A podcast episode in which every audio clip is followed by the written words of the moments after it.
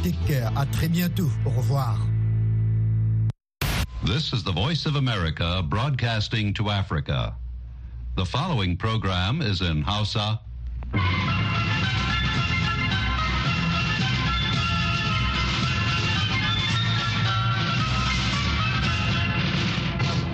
Sashen Hausa na muryar Amurka ke magana daga nan birnin Washington DC.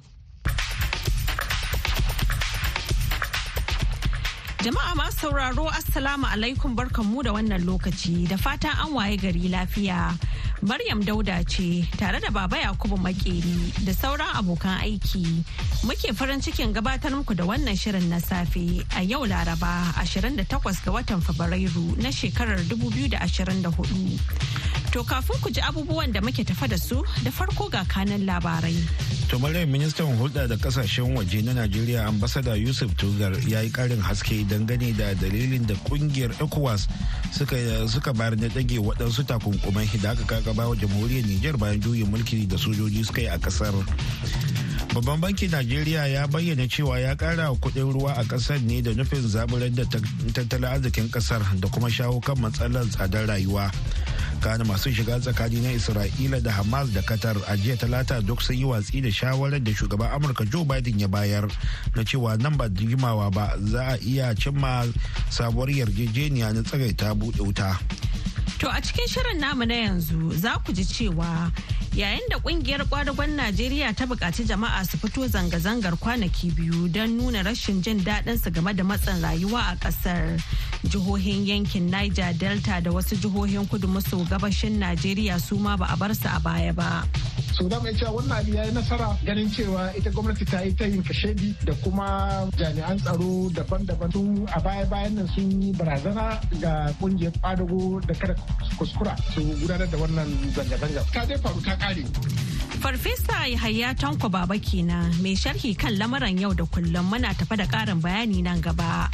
Kamar yadda muka saba a kowace ranar Laraba a wannan lokaci, yau ma muna nan tafa da shirin baki mai yanka wuya.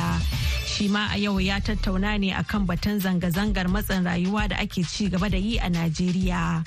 Amma yanzu dai sai a gyara zama a saurari labaran duniya kashi na farko. Assalamu alaikum jama'a ga labaran duniya kashi na farko mai karantawa baba ya ko makiri. Ministan hulɗa da ƙasashen waje na Najeriya ambasada Yusuf Tugar ya yi ƙarin haske dangane da dalilin ƙungiyar ECOWAS na ɗage waɗansu takunkumai da ta kakaba wa jamhuriyar Nijar bayan juyin mulki da sojojin ƙasar suka yi wanda ya kai ƙasar da wasu ƙasashe da ke makwabtaka da ita suka sanar da ficewarsu daga ƙungiyar. A hirar shi da sashen Hausa, ministan ya bayyana cewa akwai zancen halattar tarurruka na ecowas. Kaga duk wannan ba riga an ba. Da kuma ma wasu takunkuman mai da suka shafe su a matsayin su na shugabanni su kaɗai da harkokin su na kuɗaɗe da sauransu. Kaga wannan daban da abin da ya shafi talaka kama a ce lantarki wani kowa zai amfana. Saboda saboda cikayya da walwala da mutane suke da yanci rani da makamantansu. Da dama mu yanki na wasu afirka kusan shiranin nan abu ne wato wanda yake da matuƙar muhimmanci. Yakan zane bambancin mutum ko ya rai ko ya mutu don yanayi ya canza ko kaka dole mutane canza wurin zama. A nashi bayani tsohon jami'in hulɗa da ƙasashen waje na najeriya ambasadar jibril cinade ya bayyana dalilin da ya sa ƙungiyar ecowas ta bar takunkumin siyasa. Shi ne cewa an shirya. Na san a kira su summit su ce ba za su so ba. Ta yi a kira su ma su ce su su ba za su canja ba.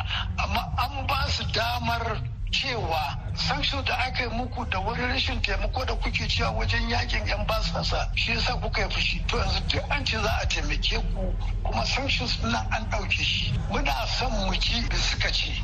Za a iya sauraron waɗannan hirarraki a rahoton umar faruk musa a shafinmu na intanet. Babban bankin najeriya ya bayyana cewa ya kara kuɗin ruwa a ƙasar ne da nufin zaburar da tattalin arzikin ƙasar da kuma shawo kan matsalar tsadar rayuwa.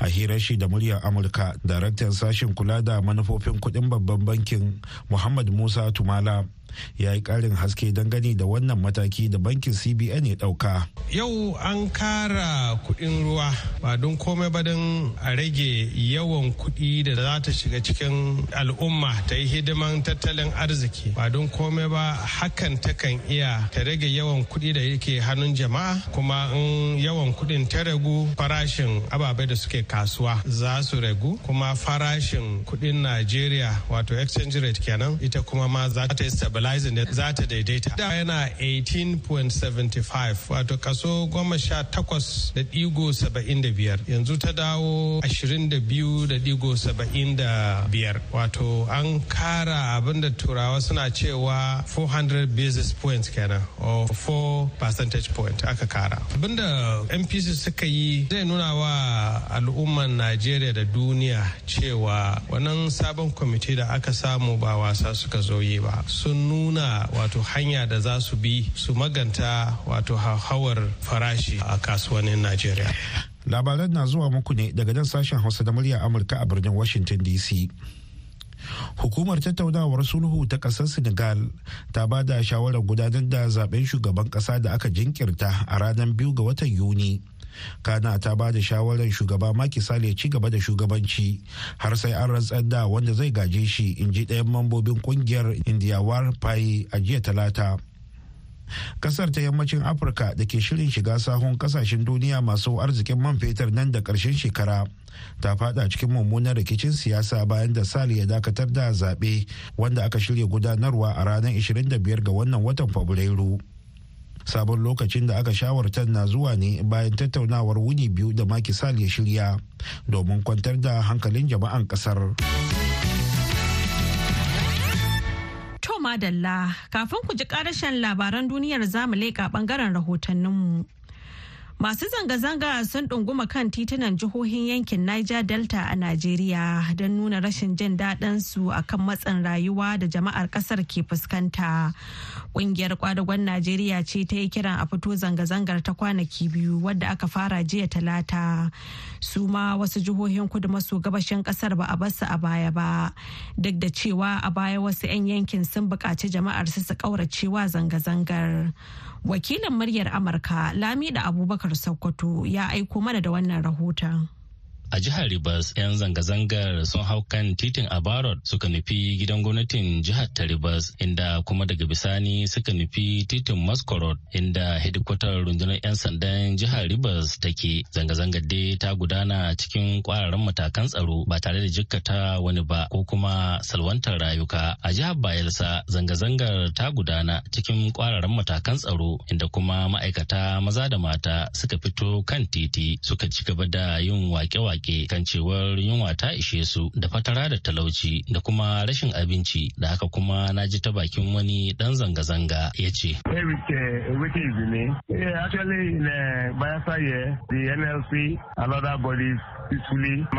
Yana cewa ne suna na Riki Wike. Mu a jihar Bayelsa shugabannin ƙungiyar kwadago da abokan tafiyarsu wato sauran kungiyoyi sun gudanar da zanga-zanga da jerin gwano zuwa gidan gwamnatin jihar ta Bayelsa. Tare kuma da rakiyar dimbin jami'an tsaro inda nan take suka gabatar da jawabai ga 'yan ƙungiyar ta kwadago kuma kawo yanzu babu wani tashin hankali a jihar ta Bayelsa. Yankin kudu maso gabashin Najeriya kuwa inda kabilar Ibo take ƙungiyar nan ta Ohanizi Indibo da ƙungiyar nan ta 'yan bindigar IPOC a baya sun yi shelar cewa kada 'yan yankin na kudu maso gabashin ƙasar su fito su gudanar da zanga-zangar. Zanga-zangar dai ta gudana ta kwarya-kwarya a jihohi biyar na yankin kudu maso gabashin Najeriya. Kwamar Ifanyi Iwuguma shine mai magana da yawun ƙungiyar kwadago ta ƙasa.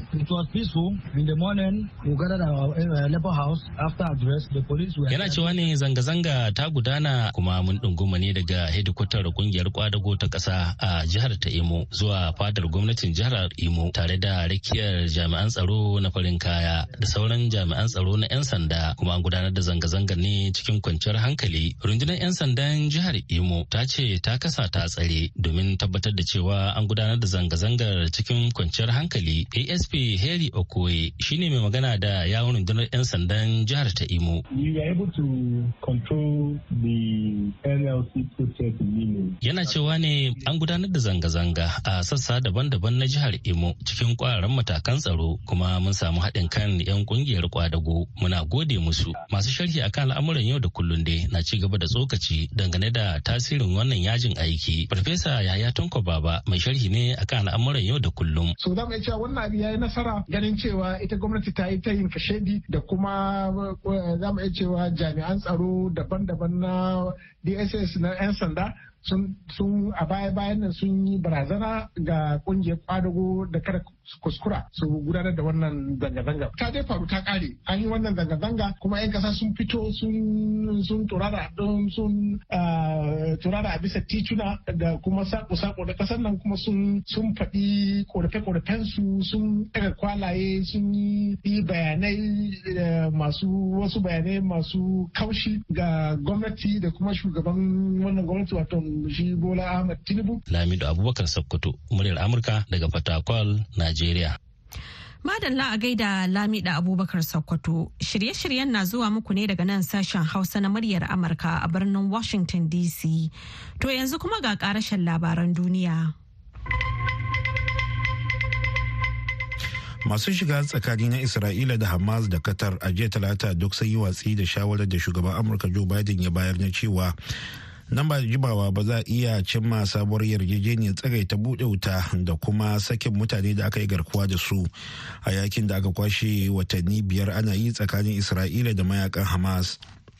Hamas tana shirin amincewa da shawarar isra'ila a tattaunawar da masu shiga tsakani suka yi a paris a makon da ya gabata kan tsagaita wuta wanda zai kai ga dakatar da yaƙin tsawon kwanaki 40 a lokaci a lokacin da musulmi za su yi azumin watan ramadana wanda zai zama karin farko da za a samu yarjejeniya ta tsawon lokaci a yaƙin.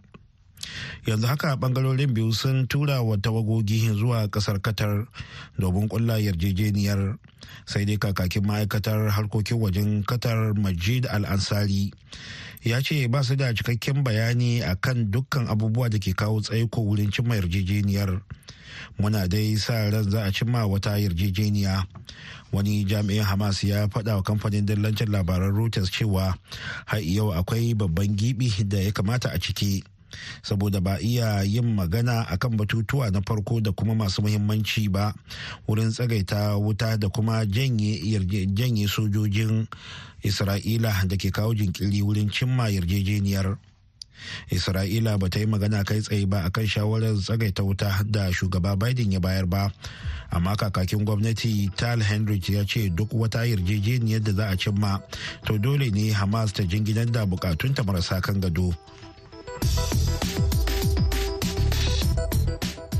Labaran duniya aka saurara daga nan sashen Hausa na muryar Amurka a birnin Washington DC.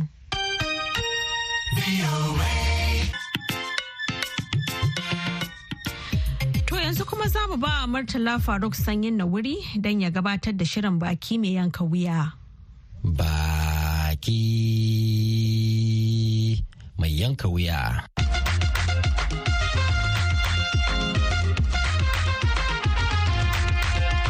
Zanga-zanga na ci gaba da yaɗuwa a Najeriya inda 'yan ƙasar ke ci gaba da kokawa kan matsin tattalin arziki.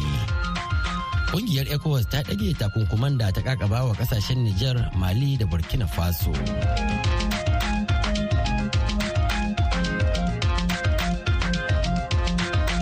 Jama'a Assalamu alaikum. 'Yan Najeriya dai na ci gaba da faɗaɗa zanga-zangar lumana kama daga ɗaiɗaiku har ya zuwa ƙungiyoyi da suka hada da na kwadago da na rajin kare hakkin bil'adama domin bayyana matuƙar tsananin rayuwa da 'yan ƙasar suke ciki sakamakon tsananin tsadar abinci da sauran kayan masarufi. Za mu ji ta bakin mai sharhi kan lamuran siyasa da tattalin arziki tsohon malami kuma tsohon dan majalisar wakilai dr usman bugaji. To amma kafin mu kai nan a ranar asabar ɗin nan da ta gabata ne ƙungiyar raya tattalin arzikin ƙasashen afirka ta yamma wato ecowas ko yawo ta ba da sanarwar ɗage takunkuman da ta kakaba wa ƙasashen Nijar, Mali da Burkina Faso a wani taro da ƙungiyar ta gudanar a Abuja babban birnin Najeriya. Kungiyar ta ECOWAS dai ta saka wa ƙasashen takunkumai ne sakamakon juyin mulkin soji da suka hamɓarar da zababbin shugabannin fararen hula a ƙasashen. Waɗanda su kuma suka haɗa kai suka ba da sanarwar ficewarsu daga ƙungiyar. kawo yanzu dai shugabannin ƙasashen ba su ce komai ba dangane da wannan matakin na ɗage musu takunkumi da ecowas ɗin ta yi. Haka kuma ba su bayyana sauya ra'ayi kan matakinsu na ficewa daga ƙungiyar ba. To sai dai akasarin 'yan ƙasar niger da mafi yawa suka fi damuwa da yanke alaka tsakanin niger ɗin da najeriya da takunkuman suka yi. Ta hanyar rurrufe kai iyakoki da yanke wutar lantarki da sauransu. sun bayyana farin ciki kan sabon matakin na ƙungiyar ecowas sunana asuman ibrahim mazamnin yamai. Muna ma allah godiya da allah ya sa an ka cire wanga takunkumi. Allah ya tabbatar da alheri kuma. Kuma muna roƙon allah shi kama da kwanciyar hankali da zama lafiya tsakanin ƙasashen mu nijar da najeriya duka. Tun da nijar da najeriya duk gudana. Tun fil azal ba ma tun yanzu ba. Allah dai tabbatar da alheri.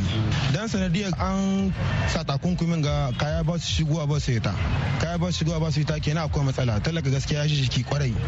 An ji jiki ba Nijar ba Nijeriya ba. Wannan wata dai Allah ya sa wanga abaran kai zama alheri gare mu duka. Ni ne malam Umar Sule shugaban ƙungiyar farar hula da ake ce ma FCR to lalle wannan mataki da sun ka ɗauka ya nuna halin dattako na wannan shugabanni na wato wannan ƙungiya ta ecowas. Da suka nura da kan cewa da waɗannan matakai da aka ɗauka matakai ne waɗanda suka sa ƙaimi matsala ga talaka musamman na waɗannan ƙasashe wanda yake su shugabanni suna can sama koli ba su san abin da ake ba. Don haka yau muna cikin farin ciki. Wannan alama ce da ke nuna ita kanta wannan ecowas wato ƙungiya ce wadda tana son zama lafiya afirka gaba ɗaya da afirka ta yamma. Abinda 'yan ƙasa ke jira shine ya kamata wato shi wannan shugaban ƙasa muhammadu bazum shi da matashi a sako su. Kuma ya kamata su wannan su jawa su hidda kalanda na wato shi da demokradiyya a wannan ƙasa tamu. Sunana ibrahim umar jamilu. To wallahi mataki mun shi daɗi da aka ce an ɗage shi fiye da wata shidda yau. Mutane na cikin wani kunci na rayuwa duk da dai alhamdulillah mutane sun ana ci gaba da riƙe kai da mutumci kuma abubuwa suna ta ƙoƙarin su gyaru lokaci-lokaci. To amma matakin da suka ɗauka gaskiya mun abin ayaba ne kuma abin san barka ne ga ƙasashen duka gaba ɗaya saboda ba mu kaɗai ba duk ƙasashen da suke kiwo da mu wannan abu ya shahe su yadda da ba a zato. In har akwai dama da za mu kai kara tunda mutane da yawa sun mutu cikin wanga hali wasu sun rasa dukiyoyinsu wasu sun abin ƙasar mata duk tasu tattalin arziki ya nemi ya so ya durkushe bisa ga wani hali da aka sa mutane wanda ba su tashi da shi ba su ini da shi ba sai suka kwana da shi ko muke ba da shawara in akwai halin a kai kara dan a hidda ma mutane da duk wanda da ƙasar ma kanta in akwai haƙƙi ciki a hiddo mata haƙƙinta da aka tauye mata.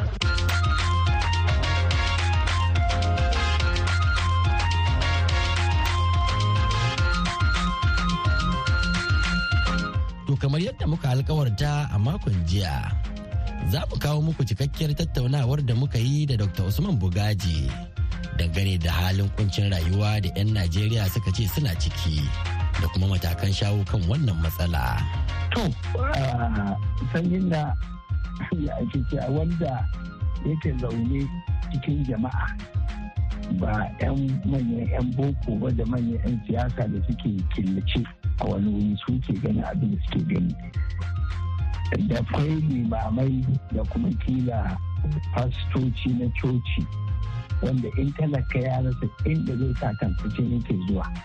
Wani ko a mishi fatawa ne ci mushe an kai da haka. Da kwai limamin da ya gaya mani da aka zo mishi fatuwar sai da ya bi mutumin ya tabbatar da abin da ke faɗin na haka ne. Mutane sun rasa inda za su kaya mai albashi ma wanda zai albashin sa bai wuce dubu ɗari ba wanda yake kaga ya yi jami'a ila har ya zama wato abin da ake cewa cikin manyan ma'aikata girma kawai yake jira kara mashi zama wani abu. To waɗannan mutanen ba su iya ci da gidansu yanzu. Yanzu ita kanta naira ta ƙara yin ƙasa da ruwa ta zama an ce ta kai na wajen dubu da ko ɗari bakwai ne ko ɗari takwas ne. Ana dai maganar da za su iya kaiwa dubu biyu. Kuma wato duk lokacin da ta ƙara kasan nan abubuwan da suke dangantaka da su kuɗin mai da su wani abu ne wanda ce an yi haɗa da wani abu da ake shigowa sinadari daga waje shi ma ƙara tsada da komi tashi yake wannan fake nan mai ɗan wani abu. To ka kaddara mutum nawa ne matashin da ya gama makaranta ba aiki nawa ne? Mutum mazaje sun gudu sun bar iyalansu. Ba inda mutane sa kansu kuma gwamnati ba ta wani tsari ba. Ba ta tarayyar ba ba ta jihar ba da za a ko da wuri ga a turai kamar inda kuke in an samu irin wannan ai ana yin wuraren da ake kira food bank ko? Kamar banki na abinci. Ana yin wani abin da ake feeding center wurin da za a je kawai ko hukuma ko wasu kungiyoyi su riƙa dafa abinci wanda duk ya kasa cin abinci ya je can kawai je layi ka ba ba tabbayar ka kai ɗan ina ne ina ka zo da sauransu. To ba mu da irin waɗannan. Alhamdulillah da masu hali ko a masallatai suna ƙoƙari su taimaka ko yanzu da azumi ya zo na ga wasu masallatai sun fara ce a kawo gudunmuwa don a samu. Amma dai abin nufi ita gwamnati da take da nauyi kuma da kuɗaɗen da take samun nan ba na ta ba ne ba ne jama'a. Ba mu ga wani abu wanda aka tsara ba. Sai kullum a ce za a kaza za a yi kaza za a yi kaza. In ka bincika sai ka ike alƙaliman da ake fitowa da su na maganganun da ake duk yaudara ce da karya kuma 'yan siyasa sun yi gum. Ma'ana ni har yanzu ban ga sun fito da wani abu ba. Menene ma ya sababa wannan al'amarin? Ma'ana ina ne wannan matsala ta samu asali kuma menene ya haddasa ta? Ta ga na matsalar nan wato duk mai hankali wanda yake da yana da shigara ta siyasa da yadda ake tafiyar da gwamnati ya shiga a kai gari. Ƙasar nan siyasar da ake yi siyasa ce ta ƙarya ta yaudara ta sata. Za a yi ta sata a yi ta sata sai an je an sace ƙasar kaf talaka ya rasa abin da za a yi masa hidima da shi. Duk da yake tun kafin zuwan wannan shugaban kasa bola ahmed tinubu ana kukan kamar matsalolin rayuwa tun lokacin waccan gwamnati. Amma wasu manazarta na ganin cewa wannan dai mawuyacin halin da ba a taba ganin irinsa ba kamar ya faro ne ko kuma ya ƙara ta'azzara ne ranar farko da wannan gwamnati ta hau sakamakon wannan sanarwa da shi bola ahmed tinubu ya bayar na cire tallafin man fetur. To wannan ra'ayi ai kowa ya faɗa kuma ba mu kaɗai ba duniya ma ta faɗa majalisar ɗinkin duniya ta faɗa. Duk inda ake rashin tsaro irin namu inda aka bar gonaki shekara da shekaru ba damar ka shiga ka noma ƙasa kamar su kebbi ko kuma a ce eto eh zamfara da ƙasar niger da wuraren da aka yi boko haram a wuraren da nan ne ake noma wato ka samu abinci isasshe. Wasu an shekara bakwai wasu goma ba a iya zuwa al'umma saboda wannan rashin kalan an sha faɗa za a kai ga haka za a kai ga haka. Aka zo aka yi wannan coronavirus. Ita ma ta kawo nata matsalolin. A majalisar ɗinkin duniya ta tara ƙasashen duniya ta ce to muna da ƙididdigar cewa abinci ba zai isa ba. Ga wasu hanyoyi da kowace ƙasa za ta je ta duba yadda za ta bi nata domin a samu abinci. Najeriya an mata irin wannan tsarin da rubuce-rubucen da aka yi da abubuwan da za a yi wanda ni na gan shi na karanta shi a shekarar 2021 ɗin nan. An fito da waɗannan abubuwan. Duk an nuna mu gwamnati abin da za ta yi. Saboda haka duk abubuwan da ya kamata a yi nan a rubuce suke amma ga alama mutanen da suke riƙe da shugabancin ƙasar nan 'yan siyasan da aka zaɓa ba sa karatu ba sa wato sanin ma ne aka tsara. Mu da muke ɗan dubawa wani lokaci mu gane mu fitar da abubuwa mu in mun rubuta musu ko ba sa karantawa. Sa'anin shi wannan shugaban kasan bala ahmad tinubu ya zo ya cire tallafin nan na mai. Sa'in kuma bai wani tsari ba wanda zai kawo sauƙi ga irin tasirin da cire wannan zai mu da ban gan ba in ma yana da shi bai fito yin bayani ba ko ba a gan shi ba a ƙasa. Shin kuɗin ma da aka ce an cire ni tallafin har yanzu ba su gaya mana ko nawa ba ne ba. Har yanzu ba a gaya mana ina aka kai su ba. Har yanzu ba a ce mana me ake yi da su ba. Sai can ka ji an ce gwamnati za ta raba kaza. A to gwamnati dai a tsarin da muka kuma a tarihinta ba ta taɓa raba wani gudunmuwa na talaka ba na abinci ko wata wani ajiya talakan ya samu abin da yake so. Yawanci zai kare a juhan manya-manyan gwamnati ko manya-manyan 'yan siyasa. Talaka yana nan cikin wahala. Abun baya kaiwa gare shi. Amma ita gwamnatin tarayya ko kuma shi shugaban kasa ya bayyana cewa ana na ana ɗaukan wasu matakai. Na farko akwai rarraba kayan abinci na biyu akwai rarraba tallafi ga jama'a domin rage raɗaɗin da shi janye tallafin ya haifar da kuma wataƙila kwanan nan ya gudanar da taro da wasu da kunyan ayarinsa ne na tattalin arziki domin tattauna hanyoyin da za a fito ma wannan matsala. Ba ka ganin cewa kamar an kama tafarki na shawo kan matsalar? Sanyin na wannan abin da kake faɗa nawa me ya canza? Ai lokacin buhari ma an irin wannan. Ina tuna kai samu wani abu? Yanzu ma an faɗa. Abin da aka saba yi ne suka yi ta yi ake ta yi. Har ana zancen a ji a balle sto-sto na abinci a rarraba aiwa. Ai lokacin buhari yana so da an yi irin wannan. Ina ta kai mu? Shine na ce mutanen wannan gwamnati suna ba da uzurin cewa kamar wannan matsala fa ba su ne suka fara ta ba. Gwamnatin nan iyakacce yan watanni kusan za a ce takwas haka ko makamanci haka.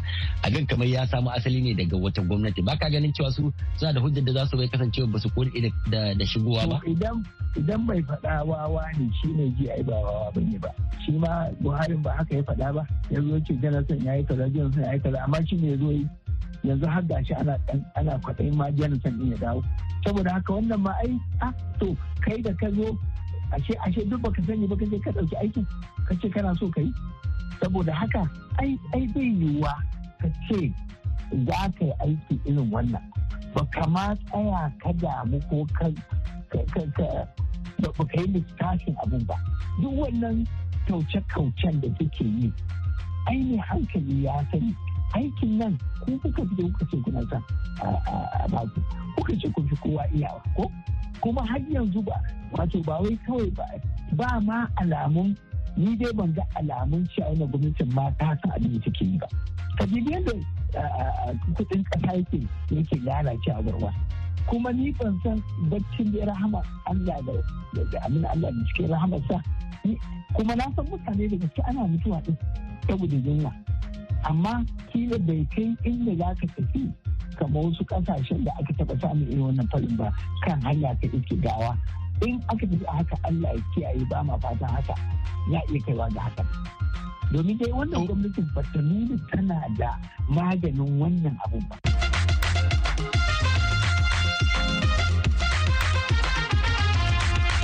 Masu saurare a nan za mu dasa aya. Sai mako mai zuwa da za mu kawo muku wani sabon shiri. Godiya ga wakilin sashen Hausa Sulaiman Muni Barma. Dadi Balawe ya daidaita mana sautin shirin. Murtala Faruk Sanyin na ke muku sallama daga Washington DC. Madalla a gaida Murtala Faruk Sanyin na yanzu kuma ga takaitattun labaran duniya.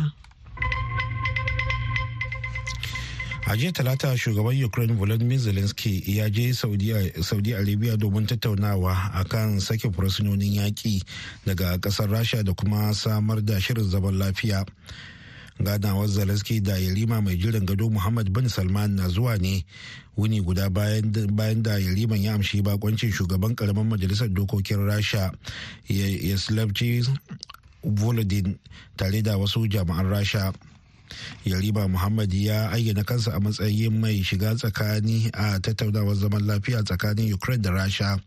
Kuma ya kuma a baya ya shiga tsakani ko kuma ya yi aiki a matsayin mai kula da tattaunawar musanyen fursunoni. Ministan hulɗa da ƙasashen waje na najeriya ambassador yusuf tugar ya yi ƙarin haske dangane da dalilin ƙungiyar ecowas na ɗage waɗansu takunkumai da ta ƙaƙabawa jamhuriyar nijar bayan juyin mulki da sojoji suka yi a ƙasar lamarin da ya kai ga ƙasashe makauta da suka sanar da ficewansu daga wannan ƙungiya.